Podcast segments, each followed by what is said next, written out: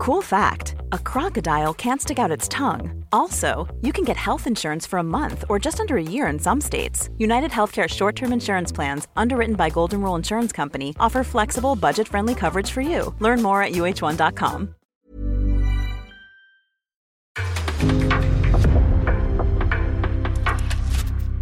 En podcast från Aftonbladet.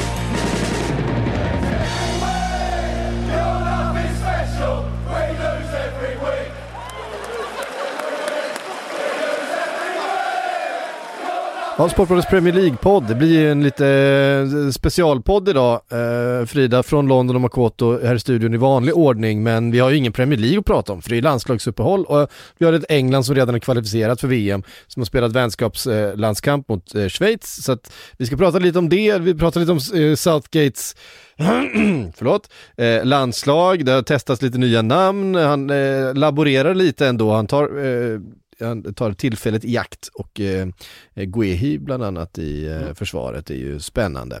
Ehm, jag vet att du, att du kollade den matchen Frida, det ska bli intressant att eh, höra vad du säger om den, om eh, Southgates planer framöver. Eh, det kan ju också komma att påverka sommarfönstret lite grann, och med, inte kanske med anledning av just det, men vi ska prata lite silly idag också. Det finns några, finns några namn som är värda att eh, nämna, eh, så vi, eh, vi blandar den här kortleken och försöker dela ut den på något eh, någorlunda underhållande sätt i alla Ja, fall. det kan väl ursäkta på förhand, man kanske försöker smyga sig till Spanien trots att vi sitter här i Vi PL-podden. kommer nog hamna lite i Spanien eh, också. Vi, vi, eh, vi håller oss inte för fina för att kliva utanför eh, de brittiska eh, gränserna en dag som denna. Eh, ska, vi, eh, ska vi börja med att bara konstatera, eh, bara, som inte har med England att göra, att Italien inte tog sig till VM för Ja. andra gången i rad. Vilket monumentalt jävla fiasko. Den, den regerande Europamästaren tar sig alltså inte förbi Nordmakedonien. Vad va, vad är det som händer? De hade 32-4 i skott, Italien, och 16-0 i hörner har jag för mig den här matchen. Eh, och det var 16-0 i avslut innanför straffområdet eller något sånt också. Eh, det är ju helt sanslöst. Man satt och väntade på att få det här alltså fantastiska avgörande playoff-mötet mellan Italien och Portugal. Eh, nu får ju Portugal Nordmakedonien istället. Eh, det är ju, ja man såg det, alltså att Italien till att börja med efter då VM-guldet, eh, EM-guldet menar jag såklart, tappar, eh, tappar den gruppen som man hade liksom järngrepp om innan. Bara det är anmärkningsvärt i sig. Såklart viss någon sorts liksom guldbakfylla där, att man spelar de där kryssmatcherna man gör och tappar bort det som man gör till, ja det var ju Schweiz som tog första platsen i gruppen och så hamnar man i det här playoffet. Men det här, att man ska förlora mot Nordmakedonien hemma, Mm det, är, det är makalöst. Men, men egentligen om man summerar det, så när Italien inte gick vidare i mötena mot Sverige så var det ju faktiskt, de hade ju oflyt. Visst, Sverige förtjänade väl den första segern, men i den andra matchen så det var ju inte som att Italien inte låg på. I EM när de gick och vann där förra året så var de ju kanske inte så bra som alla, ja men som liksom själva epitetet till slut blev, Eh, att alla gick runt och sa att de var så överlägsna. Det var de ju inte riktigt heller. Och den här gången så var de ju inte tillräckligt dåliga, eller de var ju inte så dåliga att de inte skulle ha gått vidare den här gången heller. Så det känns som att hela, alltså de senaste åren kring Italien så handlar det väl helt enkelt om, om oflyt lite grann ändå. Att, ja, alltså ibland blir det så här i fotbollsmatcher att man förlorar. Och det är det som har hänt Italien nu. Det är ju bara synd att de matcherna de har förlorat har inneburit att de inte går vidare till VM eh, två, år, två gånger i, i rad. Det är ju ganska anmärkningsvärt att vinna EM då däremellan. Ja, Alltså, ja, alltså den här matchen ska de ju i princip alla gånger vinna. Eh, Marco Verratti som går omkring och var allmänt strålande. Han har också gått omkring och varit strålande i viktiga matcher nu, både för PSG och för Italien. Lyckas åka ur. Men är, det, det, det känns som Marco Verrattis eh, legacy på något sätt. Han är den mest begåvade fotbollsspelaren på jorden emellanåt känns det som när han spelar. Han är så, han, han är verkligen ett geni på planen. Man, man fattar inte hur han hittar vinklar, han hittar passningar och spelar med sånt lugn. Men han vinner sällan saker. Ja, och då är frågan, beror det på dåligt landsval kan man väl inte säga, det jag kan inte rå för att han är italienare. Men eh, alltså om det beror på klubbvalen blir fel eller om det beror på Marco Verratti själv, det, det ska ju låtas vara osagt. Men det är anmärkningsvärt ändå att en sån spelare gång på gång nu, ja nu, alltså misslyckas i de här sammanhangen, har varit helt strålande och bäst på plan över 90 minuter om man tittar på hela matchen. I returen mot Real Madrid där han, eh, ja, alltså PSG var ju helt överlägsna i 80% av den, det Mm. dubbelmötet. Och sen bara kollapsar fullkomligt på ett PSG-sätt. Italien är fullkomligt överlägsna i 91 minuter av den här matchen mot Nordmakedonien. Släpper in 0-1 på ett avslut i 90 plus 2. Um, är det, såklart det är marginaler, men samtidigt, de ska inte behöva hamna i den här situationen där de sitter. Nej. De ska inte behöva hamna i en situation där de Ja, där, där en sån här match gör att det kostar en VM-plats. De ska ta en plats. De ska ta en första plats i sin grupp. Om de gör det de ska. Ja. Så att då är det ju uppenbarligen inte bara marginaler där heller, för det är väldigt många matcher de har haft marginaler emot sig på så vis. Och då blir det ju efter ett tag att ja, det är en logisk följd av det. Ehm, Det, jag bara, jag bara, det bara slår mig eh, så ofta att han verkar vara en dröm att spela med. Alltså han, han, han, det känns som att sättet han spelar på och kvaliteten han håller borde göra sin omgivning bättre konstant. Att det, eh, det är liksom frigör ytor åt andra, det, det finns en trygghet i att man vet att han alltid kommer göra någonting liksom konstruktivt, och, konstruktivt och kreativt av bollen. Eh, och att han i stort sett aldrig, han skänker ju aldrig bort en boll. Eh, jag vet inte, det, det, är en, det är märkligt. Han är inte den enda spelaren liksom med eh, de kvaliteterna och, och liksom lite motsvarande. Eh, jag vet inte, det, det är bara fascinerande. Men det här är ingen dålig upplaga av Italien. Man tittar på pappret också, det är en fantastisk upplaga av Italien. Det här mittfältet, Barella, Jorginho, Verratti. Alltså, Nej, det- Vilket lag som helst velat ha. Berardi, Immobile, Insigne på topp. Ja. Fantastisk anfallslinje som vi såg vad de kunde göra under EM. Så att nej, det, är det, det är så otroligt osannolikt att de missar det här. Men sen också marginalerna. Portugal samtidigt mot Turkiet. Om inte Burak Yilmaz hade bränt den där straffen, då hade jag haft 2-2. Vem vet vad som hade hänt i den matchen? Om vi kanske haft Turkiet-Nordmakedonien i avgörande playoff istället. Eh, och det är ju här som är charmen med VM-kval. Det är som är charmen att det kan gå snett för de absolut bästa, att det inte är uppenbart att alla går vidare. Och det är också det som är anledningen till att man är så otroligt emot utökandet av VM till 48 lag. Ja. Eh, också för att fyrlagsgruppen är något av det finaste vi har. Men eh, nej, det, det påminner om kvalets charm tycker jag att toppnationer faller på det här viset, även om det är tråkigt för fotbollspubliken att vi inte får se det här i Italien i VM nu 2022. Kan tillägga också att eh, de engelska tabloiderna ändå lyckades trycka in någon liten kort artikel om att Sverige tog sig vidare mot eh, Tjeckien. Gjorde Trots att det hände så mycket annat den kvällen. Ja. Ehm, ja, Eh, Sverige ska spela mot Polen imorgon. Ehm, vi, Ja. ja, eh, det känns ovisst tycker jag. Det känns sådär ja. Ja, det, Det finns så mycket, det finns en del som talar för Sverige och sen så finns det en del, alltså när man precis har fått lite självförtroende så kommer det någon annan statistik som visar att det är jättestor del, eh, jätte, jättestor fördel Polen. Så att man fluktuerar så här fram och tillbaka tycker jag. I eh, hopp, mellan hopp, kastas mellan hopp och förtvivlan. Men eh, ja, vi får väl se. Alltså matchen mot Tjeckien var ju inte någon indikator på att det kommer gå bra på tisdag, om vi säger så. Det var ju 120 fotbollsminuter man aldrig kommer få tillbaka av sitt liv. Men, men det var ju en annan match enligt Jan Andersson ju. När han, eh, när han surnade till lite på presskonferensen, när han fick frågor om, om eh, det här skulle räcka mot Polen. Då eh, ville han ju framhäva att det blir en annan match mot Polen och det har han ju rätt, helt Absolut, rätt i. det är en annan match. Men Men frå- frågan är om det kanske passar Sverige lite bättre också. De är ju ändå lite bättre när de kan lämna över initiativet till motståndarlaget. De är ju inte så bra när det är de som måste föra spelet på något sätt. Ehm, men eh, ja, jag, den är det väl, Polen har ju en del skador och sådär, vilket ju är tacksamt för det, det, den hjälpen lär de ändå behöva, Sverige, om de ska lyckas ta sig vidare.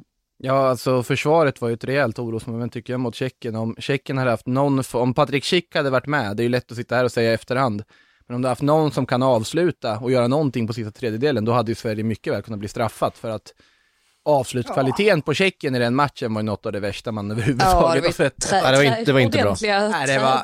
Nej, det var helt makalöst. Alltså, man, man påminns varje landslagsuppehåll om hur mycket lägre kvalitet landslagsfotbollen har. Ja, det var en, det, var en, det var en fruktansvärd fotbollsmatch. Eh, och jag satt och sätt. genomled Japan-Australien samma dag tidigare under dagen och det kan jag säga, det var inte heller någon vidare klang och jubelfotboll där heller. Nej, det överskuggas ju lite av att Sveriges lednings, eller segermål ju var så vackert. Ja. Eh, och det är ju liksom de bilderna man tar med sig från matchen, men stundtals var det ju verkligen eh, bedrövligt spel från, Mm. från båda lagen. Det är väl det man hoppas att när man liksom får in ett mål så där sent och att man någonstans, på, någonstans kan bygga vidare på det rent mentalt, att det kan lyfta en i en sån match. För att det såg ju dessutom att vi hade skrivit någon artikel om att det bara är 250 biljetter till svenska, till svenska bortafans. Det är inte sådär, det är inte jättemånga. Eh, De lär inte höras inne på den arenan eh, med tanke på vilket tryck det kommer att vara. Ja, det kommer vara eh, riktigt fin eh, stämning tror jag också. Eh, och det, ja, vi får se. Det, det är ju så här, Polen har Lewandowski och han kommer vara den enda, enda världsklasspelaren på planen. Och det, Byter in Zlatan sen i slut, tio minuter kvar kommer Jo, Zlatan men alltså, men Zlatan är ju en före detta världsklasspelare. Det får vi väl ändå vara... vara... Ja, fast eh, han kan ju absolut bjuda på ögonblick av världsklass. Så, Och är, ju så all- är det. Han, det har han ju alltid i, i liksom, eh, med sig när han kliver in på fotbollsplanen. Att man, han är oberäknelig och man vet aldrig vad som, eh, vad som kan hända. Jag ska att- säga, det är väl den som talar för Sverige också. Lewandowski är ju den som kan göra det för Polen. Det är han som ska göra det. Sverige har ändå ganska många som kan plocka fram ett sånt ögonblick. Du har Zlatan som vi nämnde då. Alexander Isak kan göra det även om han är ur form just nu. Dejan Kulusevski utan tvekan. En sån spelare som bara kan, från ingenstans har varit ganska osynlig och sen bara pang, slår det till och så gör han någonting alldeles makalöst. Men man kan Emil säga så Forsberg här. är samma sak. Om vi bjuder eh, Lewandowski på samma lägen som vi bjöd eh, Tjeckien så kommer det inte vara nolla bakåt för Sverige. Nej. Eh, Nej, för backlinjen att- är ju ett orosmoment. Ja. Ehm, alltså vi vet väl inte riktigt, jag antar att det blir Danielsson nu igen i mittlåset bredvid Lindelöf. Jag hade nog nästan tagit Helander Jag istället hade för... nog också men, helst, helst sett Helander om jag ska vara ärlig. men Danielsson är väl lite resligare eh, och spelade ju dessutom Mm. mot dem i, i EM också så att eh, antar att det kanske spelar in. Men ja, man känner sig inte helt trygg med det försvaret ändå. Nej, det, det kän, känns svajigt. Jag vill ha in Emil Kraft till höger. Ja men det, det, det, Ja, ska, men det det ska ju självskrivet om man är tillgänglig. Ja, det blir det. In och kör bara, in och kötta för fan. Ja men alltså, tror väl att Aug- Augustinsson är väl tillbaka också nu. Eh, och går väl in till vänster då. Han var väl lite sjuk bara. med att Martin Olsson är borta nu också. Ja, Martin Olsson, även om Martin Olsson såg pigg ut, han Ja, hittade ju ja, tillbaka sig. Framförallt första halvlek såg han lite ut som gamla så här Blackburn eh, Martin Olsson som kom runt och tog sig in i straffområdet vid flera tillfällen. Men det säger väl också en del om kvaliteten på den matchen, att Martin Olsson glimrar som han gör i den matchen, dominerar sin vänsterkant. För det var ju liksom, eh, det var ju hans trademark en gång i tiden, framförallt för Blackburn skulle jag säga, att han var så otroligt eh, löpstark och rivig och, och eh, var överallt och hela tiden löpte förbi och sen hade han ju aldrig riktigt kvalitet i varken inspelsfot eller avslut eller sådär. Det, den sista tredjedelen var väl inte hans eh, styrka men, men hans, hans tempo, att han hela tiden var där och, och, och krigade liksom. Det, det var lite, lite flashes av gamla Martin Olsson. Men, men en spelare som jag faktiskt blev lite så här orolig kring, om vi nu ska koppla det till Premier League, det var ju Robin Olsen. Jag tyckte att han såg ordentligt svajig ut i fler, vid flera tillfällen. Och det är ju någonting sånt man inte har varit riktigt van vid i landslagssammanhang. Vi har sett de tendenserna när han har spelat i diverse klubblag, men i landslaget har han ju alltid varit väldigt solid. Men nu tyckte jag ändå att, ja, det såg inte helt Han brukar ändå ha fått någon minut med sig in. Han har väl inte ens gjort debut för Villa än? Nej, gud, Nej. Nej, det är... Svårt att peta Martinez. Jo men det, det är ju det. det är... När, när, hur länge sedan han spelade för Sheffield United? Han gjorde någon match i början av säsongen. Men... Ja, nej, men han, han kom ju i januari till Aston Villa. ja, precis. Gjort, att, eh, Men var ju han var ju petad i Sheffield United också på slutet. Ja, det gick väl inte, Han- det gick väl inte spikrakt. Han var ju snarare överflödig på att när han hade en skadare, att uh, Fotheringham gick in och gjorde det så pass bra att man insåg att det är ingen idé för oss att sitta på Robin Olsen i det här läget. Nej. Och att man då bryter lånet för att göra plats för annat, vilket ju var rimligt, rimlig värdering av Sheffield United där och då, men det säger också en del Alltså hur fel Robin Olsen har prickat med sina klubbval. Jag vet att vi var inne på det när han gick till Aston Villa också, att det här är ju det första valet där han bara går otroligt tydligt in i ett läge där han, det finns inte en tillstymmelse till chans att han ska slåss om en första spade. För det kommer Det var ju, vara- ja, det var ju helt okej i Everton ändå. Alltså när han Jo, precis. där, Det var ju han- mycket mer rimligt. En bra timing ändå när Men han- Pickford var lite... Precis, men han gör ändå bara sju matcher i, i Everton. Ja, men han Eh. tog inte chansen heller när han väl fick den. Kommer ihåg eh, matchen på Old Trafford mot, mot Man United. Var lite skakig, släppte in något mål där som inte var helt... Hade, hade han bara varit 100% i de matcherna, då hade det varit enklare för Ancelotti var det väl, och, ehm, och, och välja honom. Men det kunde han ju inte göra då. Eh, Nej, lite, lite oflyt får man ju säga. Han, är alltså, han har alltså spelat 18 fotbollsmatcher sedan sommaren 2020. Eh, det är inte jättemycket för en målvakt. Men så brukar det se ut för, för svenska målvakter. Ja, det, det är ju sant i och för sig. Det är sant i och för sig. Eh, det, är, eh, det är 11 matcher för Sheffield United och ehm, ehm, sju för Everton. Alltså att, att Olsen, Olsen ska stå i Sverige fortfarande även om man inte får speltid, det tycker jag ändå känns rätt på att du, du har inte så mycket annat han har levererat i landslaget. Sen håller jag med dig Frida om att det var inte så inte jätte hundraprocentigt ut här senast. Men eh, det Lite som, oroväckande bara. ja, det som gör mig mer liksom fundersam är ju att just nu sitter en vänsterback, ung vänsterback som har fått mycket speltid i ett topplag i Frankrike, i Lille, Gabriel Gudmundsson hemma och rullar tummarna samtidigt som, ja nu var ju Martin Olsson bra, men det är konstigt. Jag tycker det är otroligt konstigt. Men, men sen samtidigt så, även om han hade kommit med i truppen nu, alltså Janne skulle ju aldrig ha spelat honom från start, alltså en kille som inte har gjort Nej, någon match såklart. innan, som inte känner till systemet. Och dessutom så Gudmundsson, han är ju lite annorlunda, han är ju lite mer offensiv, alltså det är en omskolad mittfältare. Mm. Alltså till ytterback, jag, jag, det är väl sådana saker som Janne framförallt kikar på. Han vill ju ha en spelare som är, som är bra defensiv framförallt. Eh, och, och då kanske inte Gudmundsson passar in i den mallen. Men jag tycker absolut att han borde vara med på sikt. Men eh, jag var inte förvånad över Nej, alltså förvånad var jag inte. Förvånad var jag överhuvudtaget inte. Det, det ska sägas. Det är mest fundersam snarare än förvånad. Eh, Eh, vi eh, noterar också att då England spelar en träningsmatch mot eh, Schweiz och ja, träningsmatcher är ju vad de är, men det laborerades ändå lite grann från eh, Gareth Southgates håll.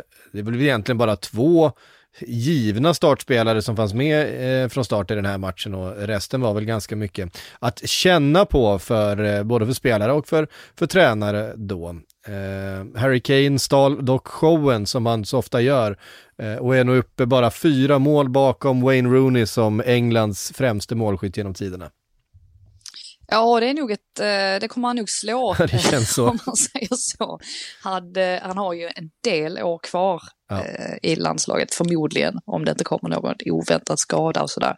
Nej, det var ju ingen, det var ingen sprakande tillställning direkt, eh, särskilt inte första halvlek sett från engelskt perspektiv. Lite intressant ändå, Southgate körde på en 3-5 2 som eh, ja, men påminde lite om hur de spelade i VM 2018 med, Jordan, med wingbacks och Jordan Henderson som sittande bakom två åttor eh, och sen så Kane då som eh, bildade anfallspar med Phil Foden. Och Foden är ju, han är ju lite intressant i landslagssammanhang för det märks att Southgate inte riktigt vet var han ska placera honom. Men vet, det Eh, ingen har- riktigt, det är bara Pep Guardiola som vet vart eh, liksom Foden Ja, ska fast- spela. Knappt Fast det största, det största problemet är också att Phil Foden är alltid bra oavsett var han spelar. Vilket också är ett problem för honom för att då blir han ju den här som ja, men i stort sett bara fyller, ja, men det fyller luckor i, i startelvorna. Och det är lite grann det han har gjort i City också när han har spelat centralt, eh, ja men up front som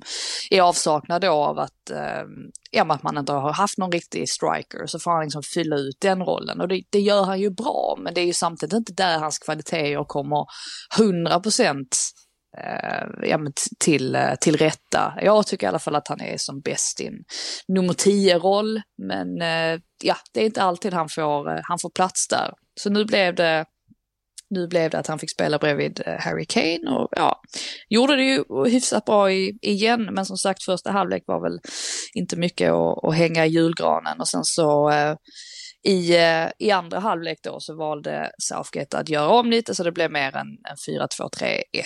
Och Mm. då fick eh, Foden ta ett, ett kliv neråt och så, så lyckas man ju ändå få till segern där till slut. Eh, ja, Shaw för det första precis innan paus där så kvitterar han ju genom ett, ett jättefint, jättefint eh, skott då till 1-1 och sen så får de den här straffsituationen. Eh, det var ju eh, Ek, Ekberg som eh, dömde matchen.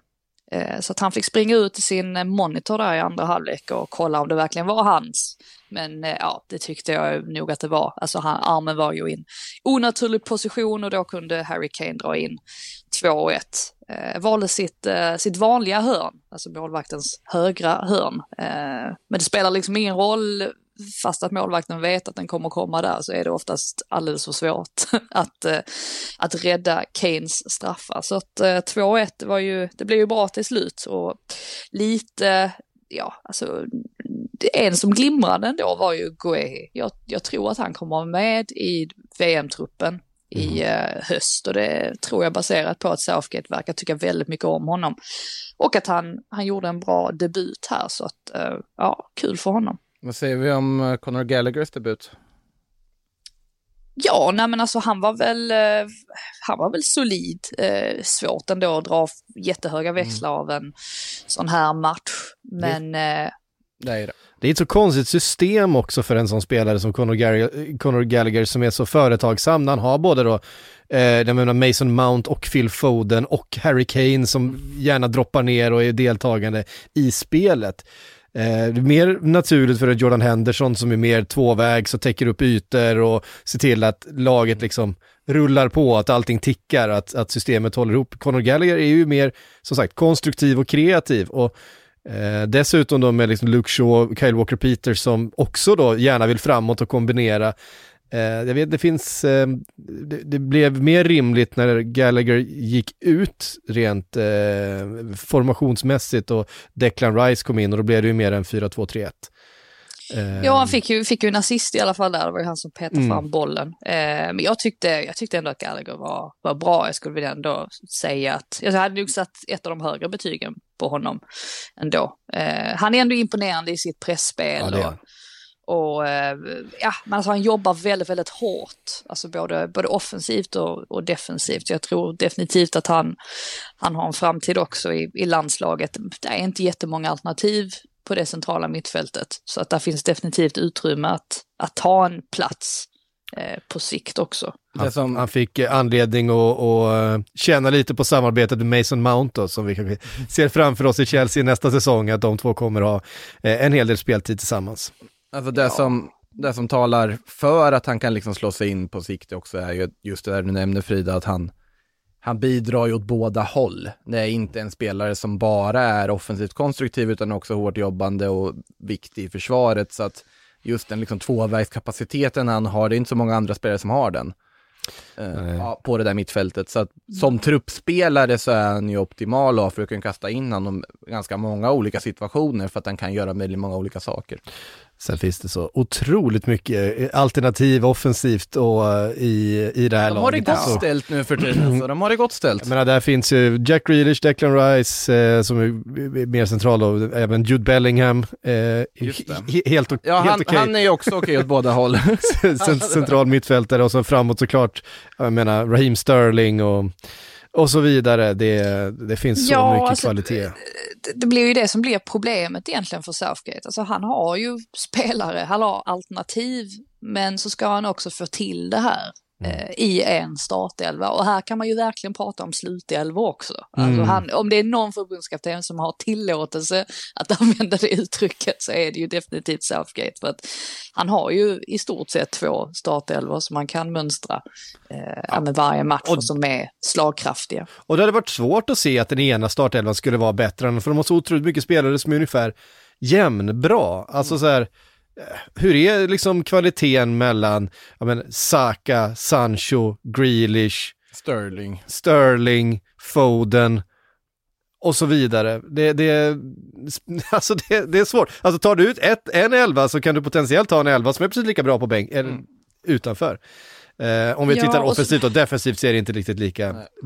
Eh, Ja, sen är det ju tydligt i och med att han laborerar så himla mycket med olika spelsystem och det är fyrbackslinje och sen är det fembackslinje eller trebackslinje då. Ehm, och olika konstellationer offensivt. Det, det märks ju att han verkligen försöker, han försöker utnyttja de här träningsmatcherna och, ja, och tävlingsmatcherna också för den delen, alltså kvalmatcher och så, till att verkligen försöka hitta den ultimata formationen. Det är ju inte helt, eh, inte helt lätt ändå och man kan ändå ha viss sympati med Southgate.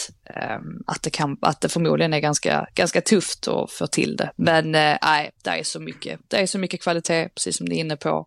Eh, Jack Grealish är ju en sån, han får ju alltid högst, eh, ja vad, vad ska man säga, högst jubel när han ska komma in. Det är alltid till, eh, till Jack Grealish. Jag trodde ändå att hans popularitet skulle ha svalnat lite efter flytten till City och det här att han, han, eh, ja, han retar ju upp eh, bortasupportrar rätt ofta ju eh, med det här att han kanske ja, faller lite enkelt i vissa dueller och sådär. Men eh, kärleken från landslagssupportrarna verkar bestå fortfarande så det är ju skönt för honom. Ja, nej men det är väl också, han är ju inte, nu blir det väl lite med Manchester City, men det hade ju alltid varit, det är ju alltid lite värre om de kommer från Arsenal, Manchester United, Liverpool eller Chelsea för att där har du så mycket. Nu är han från Aston Villa och visst han har gått till, till Manchester City, men eh, jag tror att det är, det är enklare för stora delar av eh, eh, supportergruppen att, att smälta.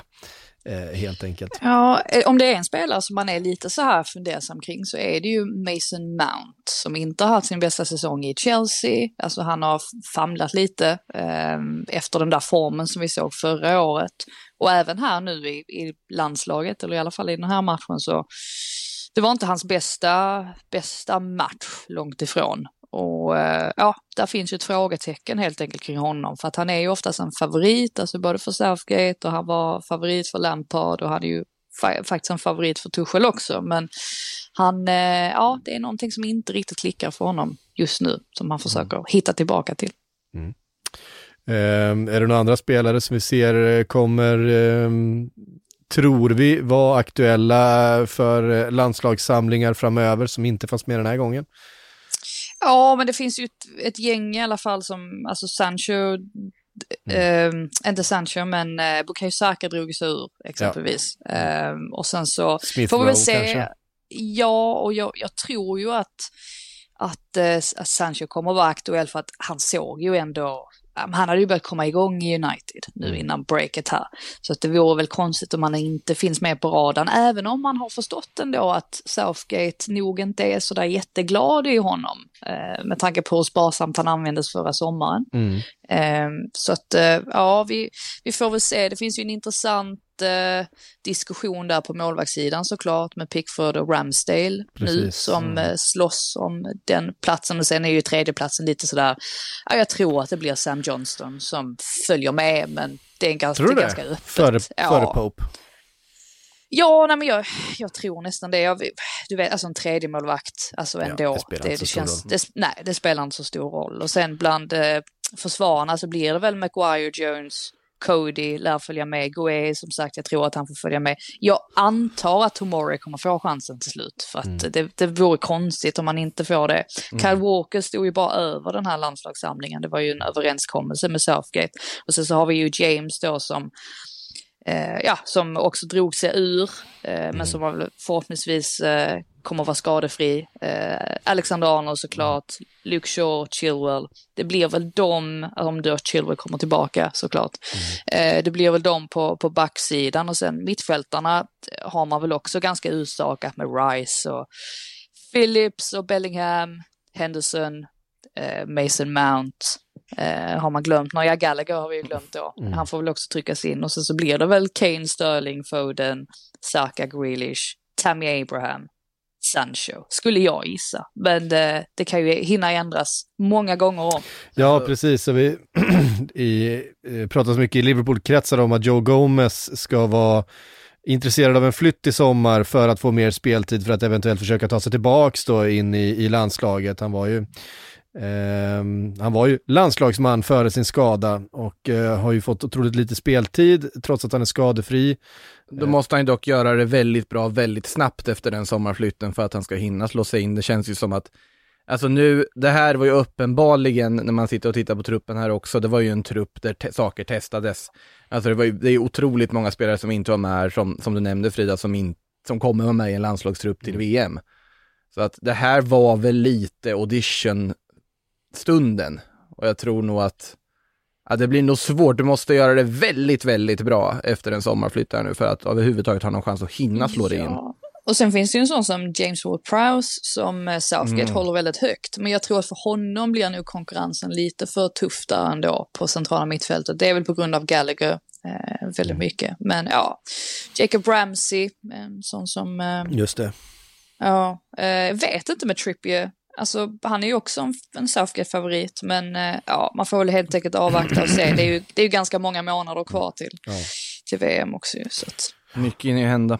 Mycket kommer hinna hända. Eh, så var det med det. Vi eh, styr bort från landslaget lite grann då, ska prata lite grann, eh, lite silly. Vi har eh, i alla fall som tangerar Premier League och något som eh, ligger helt utanför, men det, det får vara så en dag som denna. Eh, Rafinha, Leeds Rafinha, eh, ska då enligt eh, katalansk media vara överens med Barcelona, även om Barcelona och Leeds inte är överens. Och det är ju det kanske är den viktigaste aspekten i det hela, att Barcelona och Leeds är absolut inte överens. Leeds vill väl egentligen inte släppa Rafinha, men samtidigt, och han har kontrakt som går ut 2024, han verkar ju inte vilja förlänga det, och då kan det ju vara läge att sälja innan hans pris sjunker, om du kan få ett bra anbud.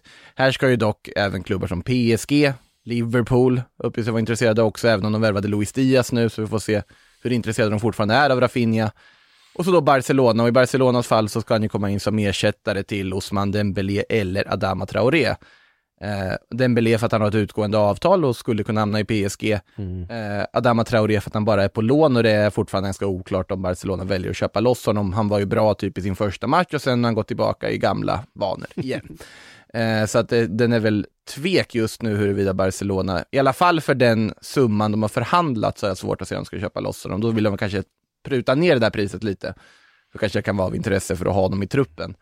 De ska ju ha in Mbappé också, eh, Ja, Barcelona det, det, de, det. de, ja, men det är helt sanslöst hur alltså sport bara slår på stora trumman varannan dag just nu med att det är nya spelare som är överens. Det är alltid också att de är överens om de personliga avtalen, men ja, just det, klubbarna är inte överens.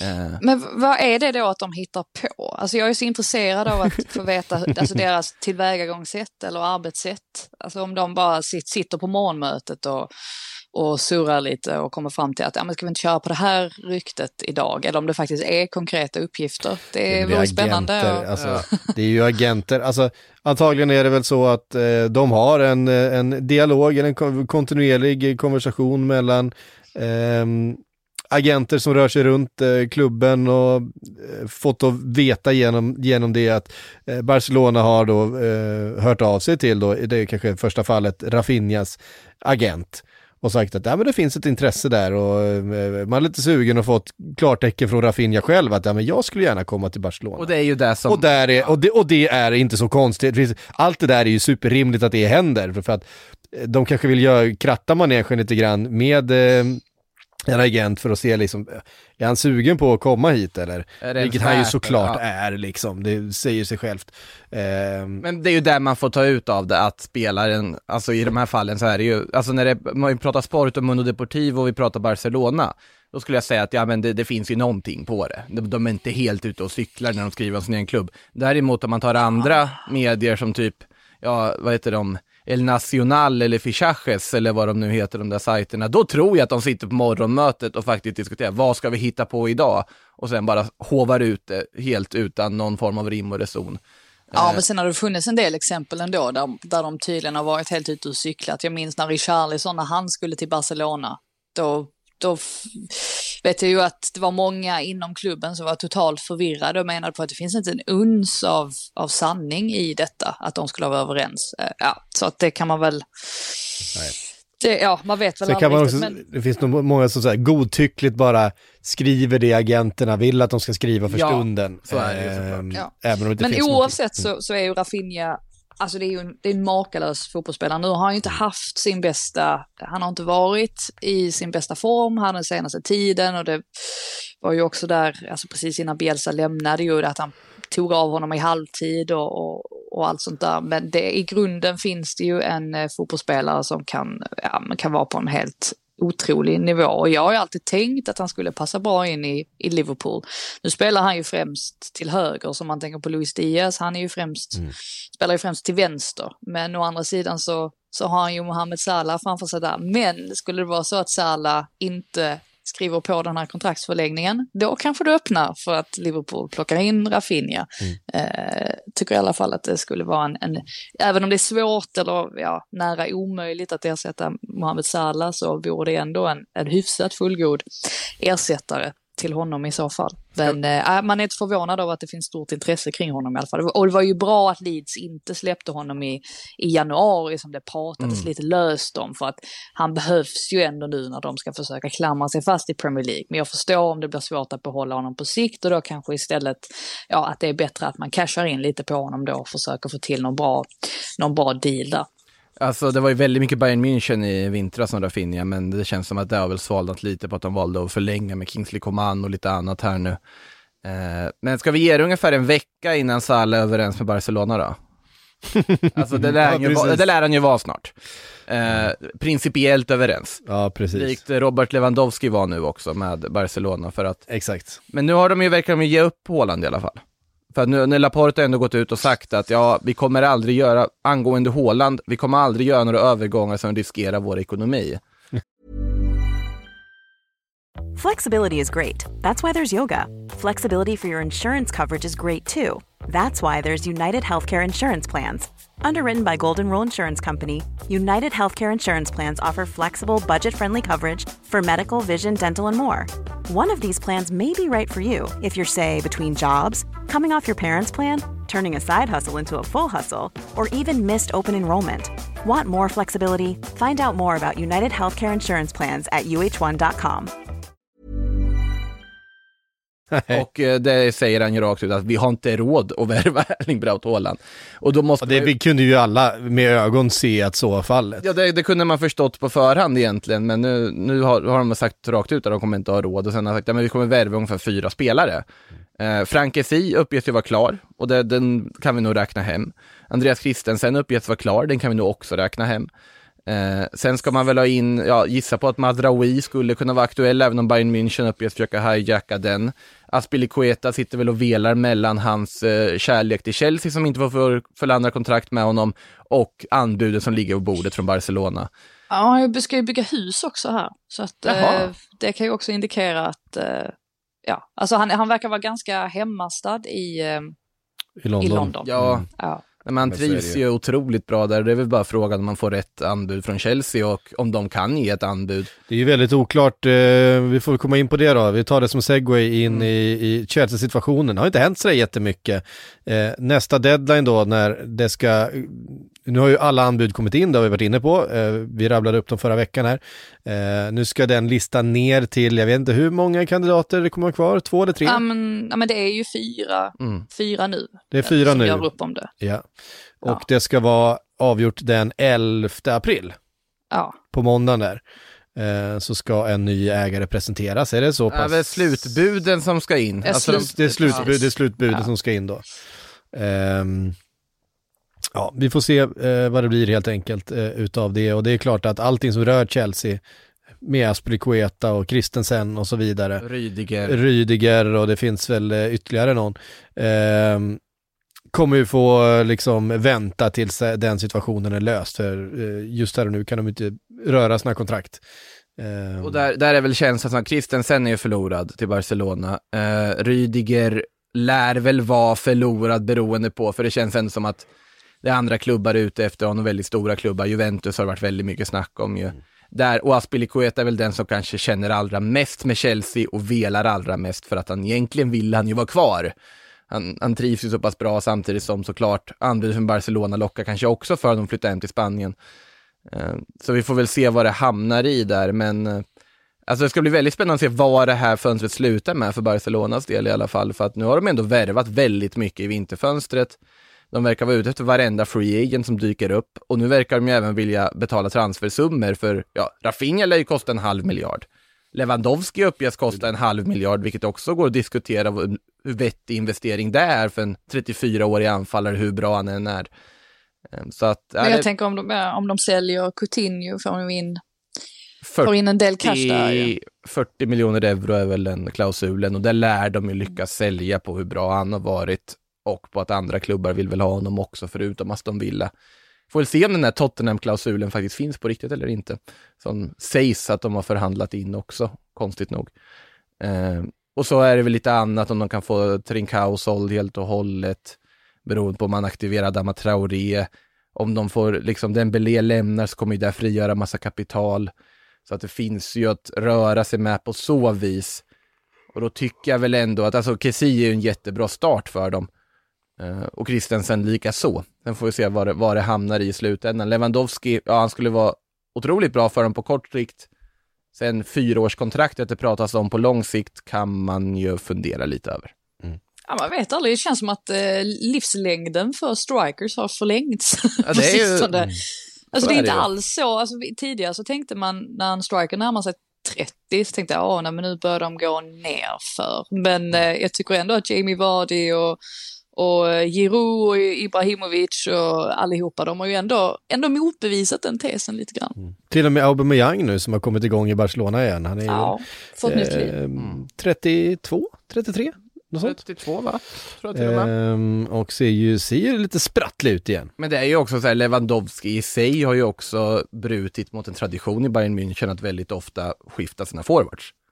Han har ju varit självklar där jättelänge, så nu är det väl läget när han ändå funderar på att lämna och han inte får det där kontraktet han vill ha. Eh, att Bayern München ändå är tveksamma till att förlänga så pass som Lewandowski vill, en spelare i den åldern. Om han får ett fyraårsavtal i Barcelona så klart han drar. Sen kommer ju fortfarande uppgift hela tiden, man sitter och väntar in Real Madrid och ser vad de ska göra med Erling Braut Haaland, om de får honom eller inte.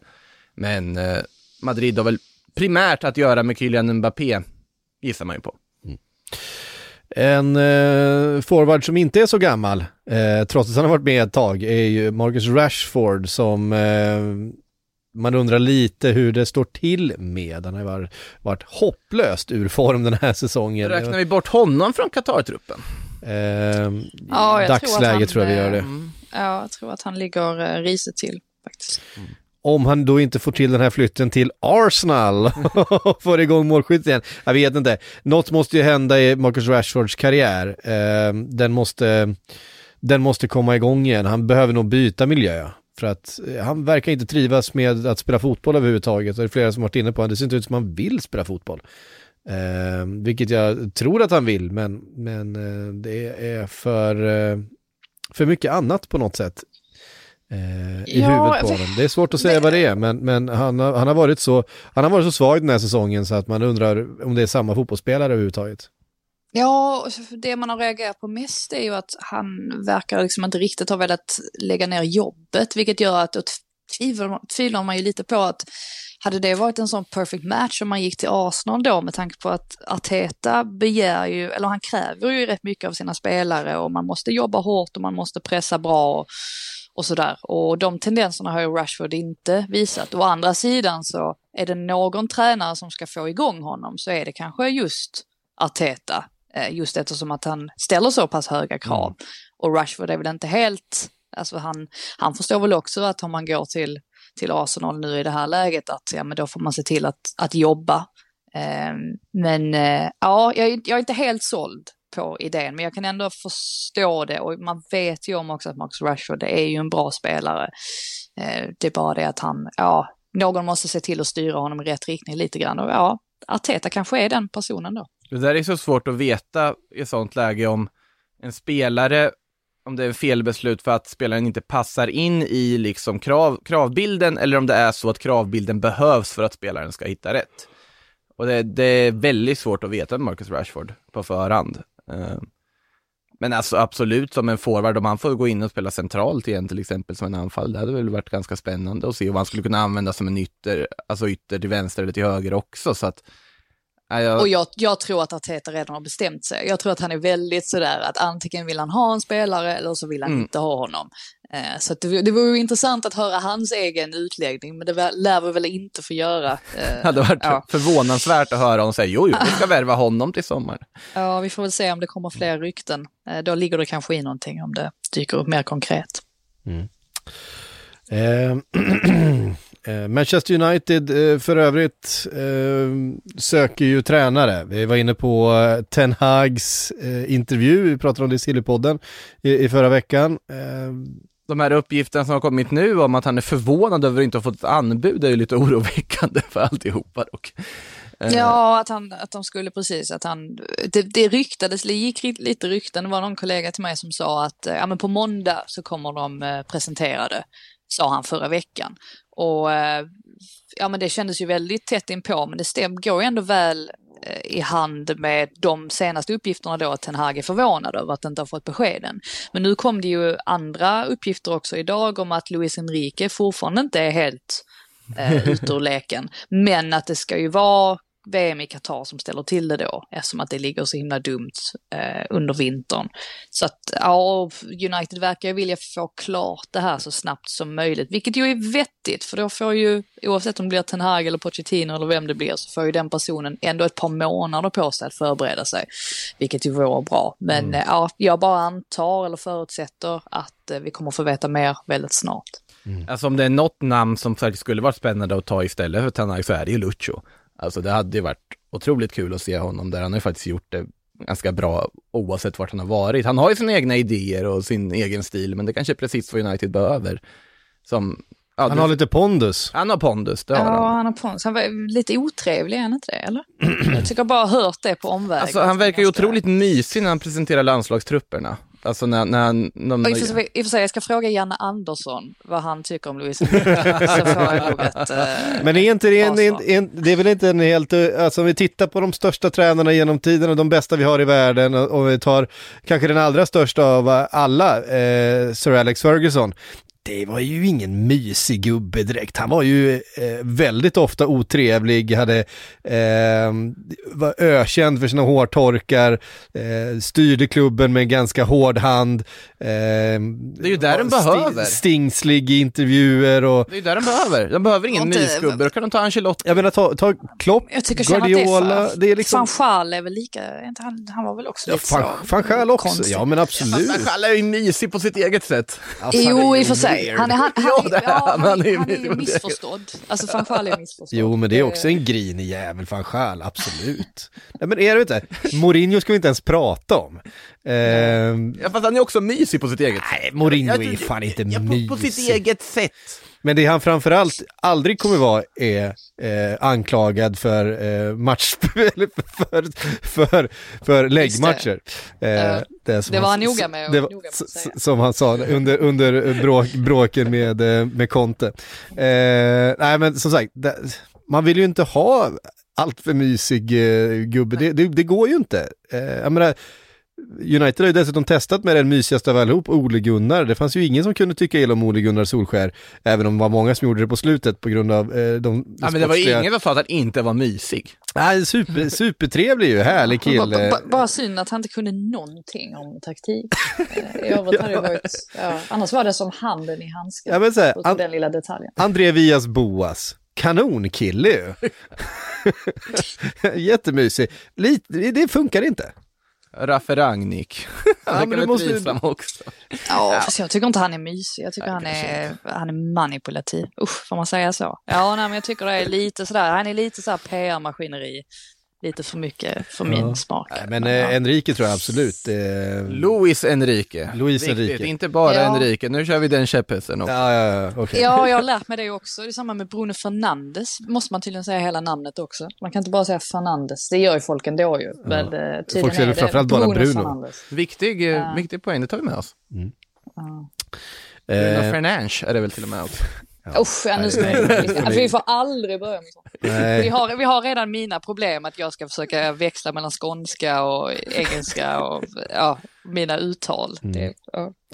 Eh, fler, eh, fler anfallare som kan vara på väg bort från eh, United är dessutom Cavani som inte verkar trivas med livet eh, där just nu. Snackas om Real, Real, Real Sociedad. Kan inte prata. På tal om ett annat namn som man också ska säga båda, ja i alla fall. Eh, Ja, det sägs som, alltså om Alexander Isak då skulle röra på sig. Mm. Och det, det finns, ska väl ändå finnas visst intresse, även om det fortfarande känns som att han är andra val i alla sammanhang. Mm. Han är inte ett första val och liksom prioritet för någon klubb, utan bara med på listor. Han är med på väldigt många olika listor, men han är aldrig på topp på listorna än. Ja, han är för ojämn alltså. Ja, men nu, alltså, nu för tiden så får han ju rotera med Sörlott på att han inte riktigt är i form, så att det säger vi egentligen Mm. det mesta om statusen just nu. Sörlott är ju då kanon, eller hur Frida? Ja, bästa, bästa spelaren i Skandinavien skulle jag säga. Men, men Cavani spontant känns väl som en jättebra värvning för Real Sociedad om de skulle kunna lösa den lite oavsett. Alltså, det, det är ju en fruktansvärt bra forward fortfarande. Så att, Eh, ja, det är ett spretigt avsnitt där, så nu kastar vi oss rätt in i frågorna där är det spretigare än du någonsin. bad om det skulle vara spretigt. Mm. Voten är från Albin Hansson. Vem är bästa domaren i Premier League?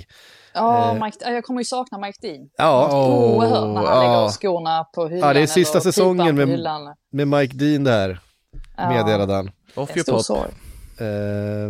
Alltså grejen är att man kan tycka mycket om Dean och han är ju ett meme i, i sig själv, men han är en ganska duktig domare. Jag tycker, jag tycker faktiskt att, och jag vet att det är många som inte kommer att hålla med och sådär, Arsenal-supportrarna lackar ju alltid när man Ja. säger det, men men jag tycker att det är lite överdrivet ändå, det här med att han skulle vara så usel. Det är, hans problem är att han alltid vill, vill vara alltså the center of attention. Mm. Och det är aldrig bra för en domare. Eh, och visst, han har gjort, han, där är en del missar han har eh, gjort de senaste säsongerna. Men jag tycker ändå att han, han är, han, är, han är inte värst. Det säger jag kanske mer om Premier League-domare, men det, det Gud, finns nej. många andra. Jag skulle säga att han är på- jag, alltså, eh, jag skulle säga att han är topp tre domare i Premier League. Eh, jag gillar... eh, Alltså, eh, Michael Oliver Ma- är Michael Oliver är bra. Michael Oliver är nummer ett skulle jag säga. Han håller i alla fall någon sorts nivå. Sen eh, Påsson, Helt okej, eller? Tycker jag. Ja, jag, jag märker ju direkt att man, ja, jag kan inte nämna någon annan för jag kommer bara på olika missar och dumma grejer som, Det, är Alla det, som har är, gjort. det Alltså- som är synd är att de absolut bästa domarna är ju egentligen de som syns minst. Mm. Alltså om du har gjort en match utan att du tänker på domaren så har du gjort en väldigt bra match. Mm. Eh, Alltså, och det är därför det är Klopp- svårt att lista. ja alltså Klopps favorit är ju definitivt Bolteni. Eh, kan ju inte finnas någon annan. Nej. Nu, nu är jag fruktansvärt sarkastisk, han hatar ju honom. Alltså det är ju Ja. rent, det är ju, det är ju ren, eh, ja, det, det är ju rent hat Ja. från Klopps sida. eh, Vilket också är lite fånigt eh, såklart. Ja, eh, men eh, Det blir också nästan lite överdrivet, men, men ja, eh, det, det finns inga goda känslor dem emellan. också- Och sen Kavanaugh är väl på Lampards lista nu, eh, över domare som han eh, ogillar efter det här eh, uteblivna straffen mot Man City. Så att ja, det, och Kevin Friend har inga vänner. Eh, Jag vill ju bara Nej. säga det för att det är väldigt roligt. Ja, nej, men det, det, det, det har ju dykt upp lite nya namn, så här Graham Scott och eh, David Coote och sådär senaste Ja. säsongerna. Det är ju inga... Är Kut, ingen... Var ju, han var ju ett haveri i början. Ja. Nu vet jag inte, har han blivit lite bättre nu eller på sistone? Det, blir, det är väl klart man blir det i och för sig, att man, man måste ju bli bättre tycker man med, för varje match man, man dömer. Men han var ju inte bra i början, så mycket kan man ju säga. Jag är, glad, jag är ju alltid glad om jag slipper John Moss i matcher som jag har Men man, investerat man gillar ju John i. Man gillar den. man, man, det, Eh, alltså, jag, tycker, jag tycker nästan att han alltså rent fysiskt inte riktigt hänger Nej, med. det Alltså, gör jag han ju inte. Jag är ganska förvånad Nej, men- över att han... alltså så här, personligen känner jag att så här, på domarkåren, i, liksom, jag har något bättre koll på den spanska domarkåren överlag. Där kan man ju säga att alltså, Mike Dean är ju Englands svar på Matteo Lahoz eller vice versa. Mm. Alltså som faktiskt älskar centrum men är en fruktansvärt bra domare egentligen. Eh, Lahoz är ju en av Spaniens absolut bästa, men där tycker jag man saknar de här inte så bra domarna men som hade personlighet. Det är det bästa som finns. Man vill ju ha en domare med personlighet. Och där tycker jag, alltså Jonathan Moss hör till kåren på något sätt. Jag vill inte att han ska försvinna, man vill ha den där. Som, det känns inte riktigt liksom med på noterna. Och jag tycker man har, ja, det är, jag gillar domarprofiler, men vi kan väl i alla fall, om man bara tittar rent objektivt, bästa domaren, ja, Michael Oliver känns väl som vi alla är överens om i alla fall. Ja, nej men eh, så, Nu, så är det eh, nog. Sen Nu så, meddelade ju PGMOL för inte allt för länge sedan att de kommer göra om sin struktur, alltså i hur de rekryterar domare. Och för det har de ju fått väldigt mycket kritik för på sistone. Och droppen blev nu lite grann det är konstigt det där med Lampard, så fort han säger någonting, han, han, får, han, blir inte, han blir inte bötfälld eller så, utan då går de in och då ska de förändra hela systemet istället. Exakt. Visar ju vilken, vilken makt han har när han öppnar munnen. Men ja, nu har PGMOL, nu har de lovat i alla fall att de ska eh, se över eh, hur de rekryterar domare, se till att de får bättre utbildning och sådär, för att det, det har ju, ja, det, det, syns ju varje omgång att det är alltid någonting som, som brister. Det är ofta sådana grejer som man faktiskt kan förbättra också. Man tänker på kommunikationen mellan varum och, och huvuddomare och sånt där. Eh, så att vi får väl se om det blir någon förändring eh, redan till nästa säsong. Man, man hoppas ju det i alla fall, men man har ju inte höga förhoppningar. Nej. Sätter ni vilka två domare som har gjort flest matcher i Premier League hittills i år? Eh, Michael Oliver måste nej. vara en av dem. Alltså det, det är ju Anthony det är Taylor. Anthony Taylor ja. Och ja. Uh, sen uh, Klopps vän. Paul Tierney Paul alltså. Tierney. Mm. Alltså det, det, vi, pratar, vi pratar alltså 21 mot 20 som Oliver har, så ja. det är ju inte någon så här säkert inställda matcher också ju, eh, som ja, har påverkat. Andrew Mariner brukade ju vara en väldigt, eh, han brukade ju alltid vara med. Han har bara gjort 15 matcher, Andrew Mariner i år. Nu går jag på transfermarkt här ska sägas också. Ja. Men, uh... Martin Atkinson är också eh, en, en, en domare som, som brukade vara bra, men som jag tycker har, eh, jag vet inte vad Fast jag tycker ändå så här stabila domare överlag, de är inte... Och sen är det så här, vi får alltid frågor så här, hur kan eh, England ha de sämsta domarna i världen? Nej, det har Varför de inte. Här, det här, exakt samma sak får man från alla ligor. Exakt. Allsvenskan är världens sämsta domare, Bundesliga är världens sämsta domare, eh, domare, eh, Italien är världens sämsta... har haft det ju sen urminnes tider. Ja, Frankrike är världens sämsta domare. Det är bara, det är bara så här det är. Mm, det, mm. det, det är känslomässigt med domare och domslut. Och när vi sitter och säger, ja men Michael Oliver är Englands bästa domare, så sitter det någon där ute som lyssnar på det här och hatar Michael Oliver. Någon kommer ju höra av sig till oss eh, efter det här eh, programmet inspelat. Bara, hur kan, ni, hylla hur kan ni säga att Michael Oliver är Englands bästa domare? Ha, kolla på de här, de här, de här misstagen han gjorde. Han är ju helt dum i huvudet. Och ja, så är det ju, men det är svårt, det är svårt att vara domare. Um, ja, nej, men det, det är så men, alltså... Ja. Alltså, jag, har, jag har en, ja. en utmaning dock, alltså en domare där jag inte kan komma på något riktigt stort misstag som han har gjort och som jag ändå håller ganska högt och det är Darren England. Så om det är någon som har någonting på honom så får de gärna eh, skriva det till en. Eh, för att jag tycker ändå att han har varit helt, helt okej, okay. alltså ganska, ganska stabil. Men det kan ju vara såklart att man glömmer bort någonting uppenbart. Men eh, ja, annars är det en contender också. Han är väl en av de lite yngre domarna också va? Ja, precis. Eh, det var jag tvungen att googla, ja, precis, född 85 så att han har ju några, några säsonger kvar. Inte gjort sådär jättemycket matcher väl? Eh, han, ja, jag sitter ju hem efter att sen 12 i år. Han, han, han eh, klev upp så sent som 2020 eh, var första mm. säsongen i Premier League för honom. Så att han... Jag tycker ändå han har varit eh, förvånansvärt bra. Mm. Håll, hållit en bra nivå. Han hinner bli hatad han också. Men, men det, ja, precis. Ja. Men det, är, det är som sagt, alltså, men det, det, är ju verkligen som du säger också Psyk, att alltså, här, alla ligor har de sämsta domarna enligt dem själva, det är ju så. Mm. Och sen säger jag, jag kan lista hur många spanska domare som, som faktiskt är bra. Alltså, men det är ändå så här att man, man minns ändå de usla insatserna från vissa domare före. Visst, visst, visst hade vi engelsk domare i Sverige-Tjeckien? Michael Oliver? Det var Michael Oliver som dömde det. Ja, jag hade för mig... Skötte hon alldeles ypperligt tyckte jag. Ja, det var lite lägre ja, tempo än vad det brukar vara. och plus att eh, det här bortdömda målet, frågan är Ja, det är sant i och för sig. Att han, jag tror att Michael Oliver blåser innan, att det är det som gör att de bestämmer sig för att släppa situationen. Ja. För att då kan de inte göra i, någonting. Vem hade han i varummet? Ja, det vet jag inte. Mike Dean skulle vara kvar. Mike Dean skulle väl ändå sitta kvar i varrum eller? Ja, Mike Dean skulle sitta kvar i varum och det, det, alltså han kommer hitta, hitta sätt att, att stjäla uppmärksamheten på från uh. Vad är det då heter de sitter? Uh, Videorummet där. Ja, precis. Vart är det? Stockley Park. Stockley Park, så är det. Uh, nej, men han är ju också, Mike Dean, uh, ja, han kommer bli för alltid ihågkommen som en av de mest underhållande sen, domarna. Sen måste man ju faktiskt på, alltså on a more serious note så uh, måste man ju ändå uh, lyfta fram det här också att, att han ju faktiskt, alltså Mike Dean har haft det ganska tufft med att han har fått ta emot ja, men väldigt mycket hot och hat och som inte minst har riktats mot, mot hans familj också. Så jag tror att när man har gått igenom så mycket så kommer man nog, man når nog en gräns där man inte tycker att det är värt det längre och att Verkligen. det är bättre då kanske att synas mindre, eh, till och med i hans fall. Mm.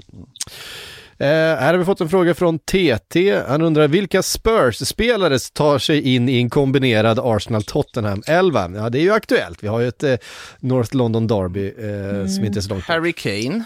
Harry Kane och Jung Min Son eh, Son. skulle jag kasta in direkt. Saka går före Kulusevski va? Ja, det gör han. Definitivt. Eh, centralt på mittfältet. Alltså där tycker jag det är ganska, s- för Partey har ju varit, han har ju varit jättebra Han nu känns på given. Och med Ödegård också, då, då känns det, men å andra sidan, Granit Xhaka, ja men skulle det vara det att Bentancourt går före Xhaka? Det tycker jag. Ja. Det tycker Ja, jag. Jag, vet ändå inte om, jag vet inte om balansen blir riktigt... Ja men alltså, sätt, Ja. om vi sätter, om vi körde i en 4-2-3-1 då, så har vi ju Kane, Son, Ödegård, Saka, Partey, Bentancourt bakom. Mm. Och sen då backlinjen då. Där, ja, målvakt, Ramsdale eller Joris till att börja med. Den är inte Ja, helt... Ramsdale. Ramsdale. Ramsdale Tycker jag. före Juris. Ja, ja, jag, jag, också tycker Ja, det. den, den är ändå inte helt hundraprocentig men jag köper, alltså det går ju åt båda håll liksom. Men absolut, Ja. jag köper Ramsdale före. Alltså grejen är att Ramsdale, eh, visst det var väl lite, lite fladdrigt där mot Liverpool, tycker jag övrigt att han har varit bra och också att jag håller med Brendan Rodgers när han säger att han har blivit lite lugnare i sitt spel också, alltså ju Mm. längre säsongen har lidit. Samtidigt som Juris faktiskt har sjabblat till det vid x antal tillfällen. Eh, tänker inte minst på mötet med Wolves. Eh, var väl någon incident också i mötet med Southampton, så jag, ja, jag håller ändå Ramsdale högre. Sen blev problemet här också, ja vilka ska man ha som ytterbackar då? Ja, alltså Tierney tycker jag ändå är rätt så självskriven till vänster. Eh, Alltså, sen är det ju ja. Tomiyasu till höger då. Eller, Ja, fast om han inte... Nu är det ju Cedric Suarez, så då Ja. måste man kanske gå på, eh, gå på det. Och då håller man väl ändå Doherty med sin form på sista tiden över där, eller? Ja. Men då återigen så blir ju problemet då att då pratar vi ju hur man fungerar i en fembacks eller i en fyra, ja. För jag tycker ju ändå att Doherty är en bättre spelare än vad Suarez är i grunden. Nej, jag vet. Ja, Jag tycker att vet det är hugg- Jag tycker de är ganska jämna. Här, här kommer jag få mothugg, men jag tycker att det är hugget som stucket på Regilon Tierney. Nej, jag, jag håller nog till lite högre trots att han inte heller har varit alltså, så bra som vi har varit vana vid att se honom. Jag tycker att Reguilon, han är lite för, eh, vad ska man säga, han är inte tillräckligt spetsig offensivt tycker jag. Tycker han missar en del eh, och så är han ju sämre defensivt då än Tenny. Så jag hade nog gått för Tenny ändå. Mittlåset då? Alltså det är ganska tufft. Ja, det är jättesvårt. Det är- det är klart att, jättesvårt. att om Ben Eric Dyer går in där. Ja, alltså Dyer har varit, han har ju Han varit varit bra. bra. En frisk. Romero går in där tycker jag. Men då återigen, en frisk Romero. Ja, Jag hade, ju, jag hade nog varit, jag hade nog ändå gått, jag vet inte varför jag hade gått för Dyer före, men ja, jag vet inte. Jag vet faktiskt inte. Jag Nej, och, och liksom jämföra svårt. dem med Ben White och Gabriel. Det är svårt också när de spelar i olika spelsystem. Ja, det, det blir ju rörigt på det sättet. Men eh, det här blir i alla fall eh, en väldigt spännande match, en eh, Ja, match att se fram emot. Vinnaren där kommer ju ha, eller så här, om Arsenal vinner den så, eh, ja då hänger de ju helt och hållet av Spurs från fjärdeplatsen skulle jag säga.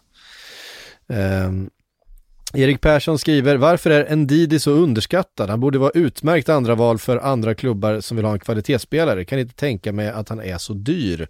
Han lär vara jättedyr. Dyr är precis vad han kommer Han lär vara. vara precis det. Jag tror det är exakt det som gör att han inte har varit så jättemycket. Han pratade jättemycket om honom och United förra sommaren till exempel. Men eh, jag tror att det kostar för mycket att vara från Leicester och Leicester vet vad de kan få ut för pengar av United. Så att, Ja, och nu är han väl skadad dessutom. ja, dessutom Alltså, det. Så att det, Kan väl till och med missa resten av säsongen eller någonting sånt. det bidrar ju naturligtvis till att det inte pratas så mycket rykten om honom. Ja. Eh, nej, han har haft, han har haft eh, skador och sen är det ju det att eh, Leicester vet ju att ta betalt för sina spelare. Eh, det är Mm. bara att kolla Harry Kane. Eh, så att eh, de har... Kolla Harry Kane. Nej, eh, Harry Maguire, förlåt. Ehm, vi pratar så mycket Harry Kane idag. Och så vidare och, de och Leicester har släppt mycket spelare de senaste åren ju ehm, för, för mycket pengar så att eh, en, en Didi hade kostat därefter och som sagt nu dessutom skadad men jag håller helt och hållet med att en, en Didi i, eh, i form och som är frisk och hel eh, är en riktig eh, klassspelare. Vad har han för kontraktsläge måste vi kolla upp här också såklart. Um, ja, går ut 2024 i och för sig. Eh, Han har alltså enligt då Transfermarkt ett värde på 60 miljoner euro. Och då kan vi Ja, räkna... det, det kan man inte lita på. Nej, jag vet, men då kan vi räkna med att det kommer kosta mer, antagligen.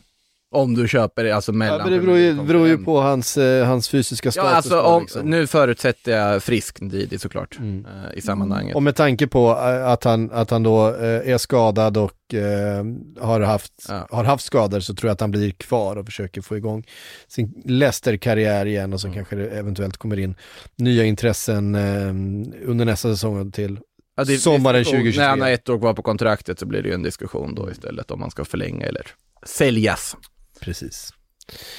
Ehm, vi har fått, eh, det var flera stycken som hörde av sig om eh, årets floppvärvningar, för det tycker folk är kul att vi att eh, prata om.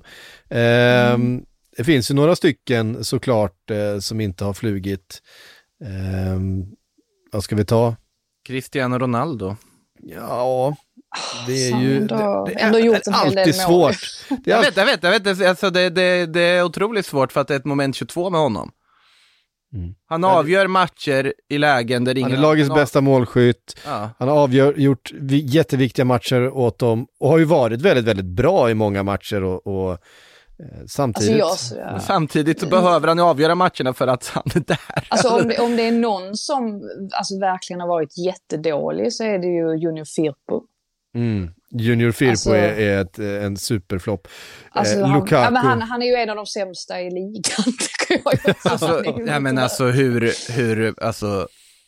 Det, Men samtidigt, hur höga förväntningar hade man på honom? Ja, alltså, kanske ändå ganska höga, men det, var, ju- det är Ja. inte som att man har spenderat jättemycket pengar. Alltså, så att det, blir det är ju sådana grejer kanske man också måste väga in såklart. Men, ja. Men alltså Junior Firpo, håller jag med, men där är jag inte förvånad överhuvudtaget. Alltså så här, man, Nej, det är det jag menar. Förväntningarna var kanske inte i, eh, i taket. det stora frågan är det fortfarande var överhuvudtaget Barcelona tänkte de värvade honom från Betis, när man uppenbarligen, han spelar i en fembackslinje och det är ändå tomt på hans kant.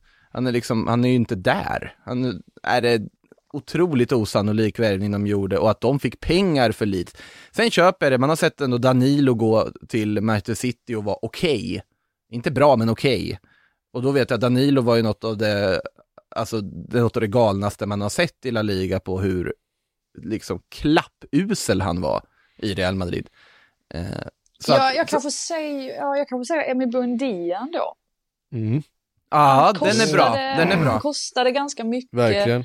Har Och ju inte Jack Grealish. alls- Nej, jag tycker nej, inte Grealish. Jag Nej, tycker inte heller Grealish. Grealish. Det, han eh, tycker ändå att han har, han, det är som Guardiola säger, man behöver Mm. inte göra mål. Alltså, det är inte det det går ut på. Alltså, man kan fylla en annan sorts funktion och jag tycker att Grealish har kommit in i det mer och mer. Eh, ja, de senaste månaderna framför allt och var ju jätte, jättebra eh, mot eh, Man United till exempel. Och det finns fler exempel på det, så jag, jag, jag håller inte med. Varann kan man slänga upp.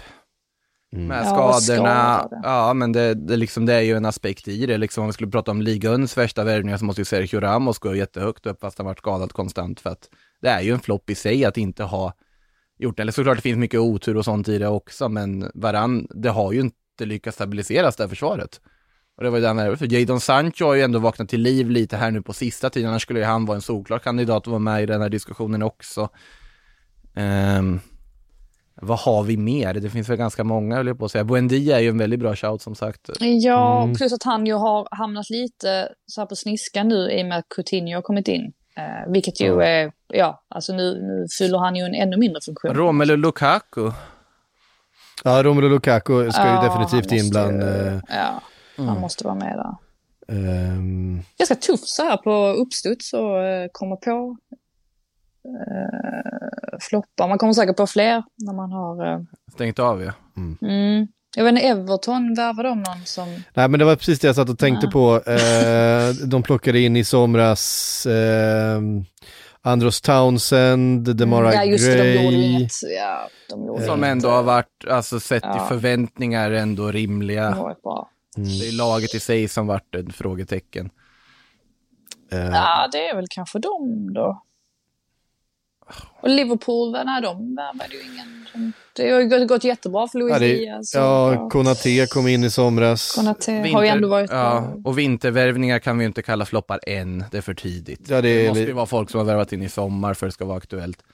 Vad, Ja. plockar Spurs in? Ja, Christian Romero, men det är ju som sagt, han har också varit skadad. Emerson Royal är väl med där och tittar lite.